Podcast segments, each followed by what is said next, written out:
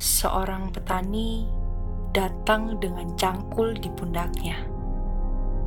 Ia menaruh cangkul, kemudian duduk dan mengibaskan kaosnya karena gerah. Katanya, Rasanya bertani kok makin susah.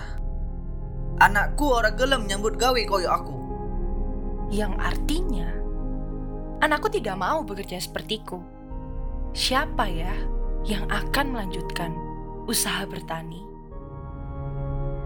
Hmm, rasa-rasanya estafet agrikultur Indonesia bergeser fokusnya. Tinggalkan desa, mengadu nasib di kota. Masuk panen raya. Tapi justru kami petani gundah gulana. Gabah kok ditawar murah. Ironis, petani di negeri agraris menghadapi panen raya. Tapi justru Indonesia kok impor beras? Kapan petani sejahtera? Alangkah pusingnya petani masa kini. Antara percaya diri dan sengsara setengah mati. Gabah bertumpuk dalam karung, seolah hidup petani hanya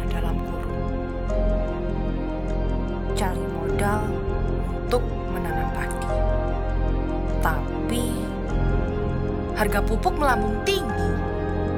Padahal negeri ini adalah negeri yang subur.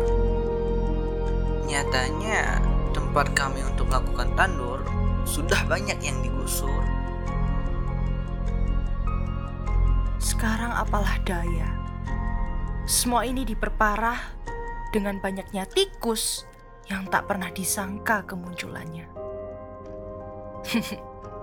ya, tikus-tikus yang suka merebut lahan sesukanya.